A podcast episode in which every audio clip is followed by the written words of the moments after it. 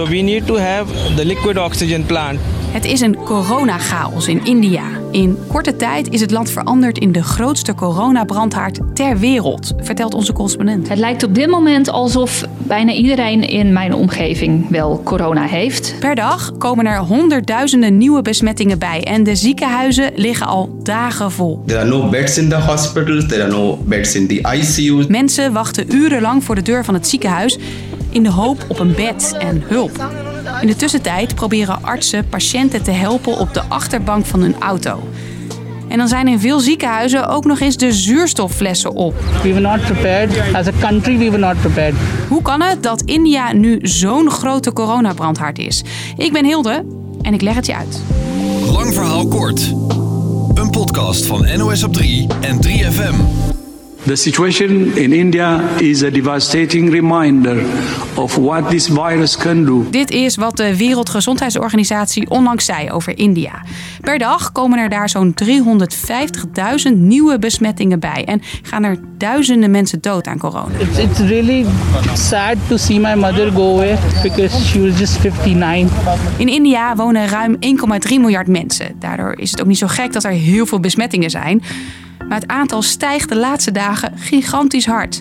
En waar IC-artsen bij ons waarschuwen voor code zwart, is dat scenario in India al een tijd aan de gang, vertelt deze arts. There are no beds in the hospitals, there are no beds in the ICU's. Medicines are in short supply, even oxygen is in short supply. Inmiddels zijn er in India al meer dan 200.000 mensen aan het virus overleden. Vooral in de hoofdstad Delhi gaat het mis. Er zijn zoveel lichamen dat ze niet meer in de crematoria passen. Those who have died are waiting for hours together for a decent cremation. Op verschillende plekken zijn daarom maar brandstapels gemaakt en worden lichamen dag en nacht op straat gecremeerd. Even if it is night, we will try to finish the last burial for the day because no mortuaries will keep the body. Hoe kan het dat de coronachaos in India zo groot is? Een jaar geleden was India een van de eerste landen waar de boel bijna volledig in lockdown ging. Maar al snel werden de maatregelen weer versoepeld, vertelt correspondent Aletta André. Mensen dachten dat corona wel een beetje voorbij was. Gewoon het dagelijks leven was weer helemaal begonnen. Bruiloften met veel gasten gingen door. Mensen gingen weer naar hun werk. Uh, het openbaar vervoer werd weer volop gebruikt. Uh, zonder afstand. Uh, mondkapjesplicht was er nog wel op papier.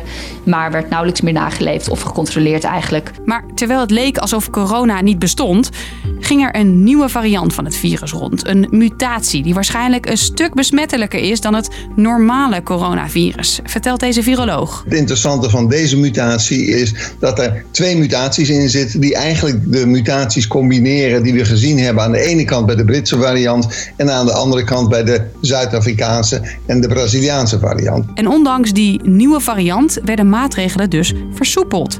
Er werden zelfs gigantische feesten gevierd. Er werden echt massabijeenkomsten georganiseerd voor feesten, bruiloften, maar ook religieuze festivals. Er werden ook massabijeenkomsten georganiseerd bovendien door politici die campagne aan het voeren waren voor uh, regionale verkiezingen. Vanwege de Indiase variant hebben Nederland en veel andere landen besloten om voorlopig geen vluchten vanuit India meer toe te laten.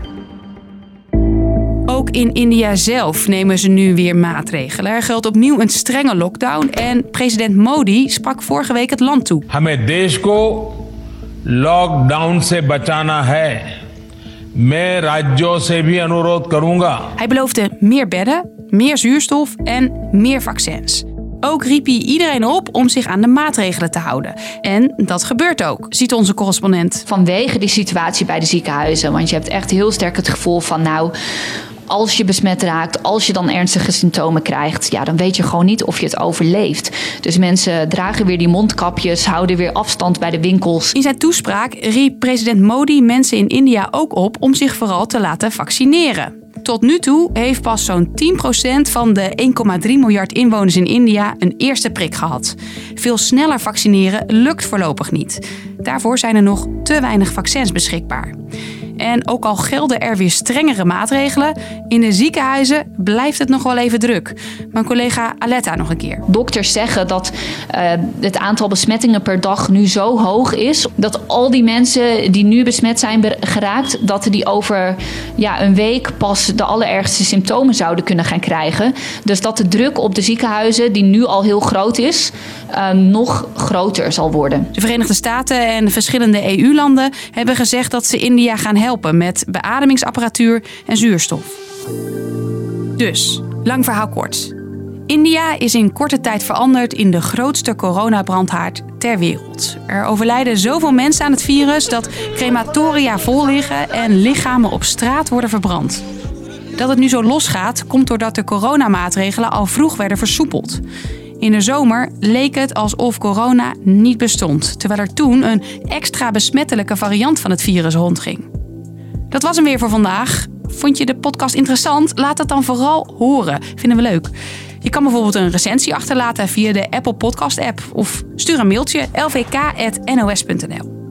Morgen rond 5 uur staat er weer een nieuwe aflevering voor je klaar. Tot dan!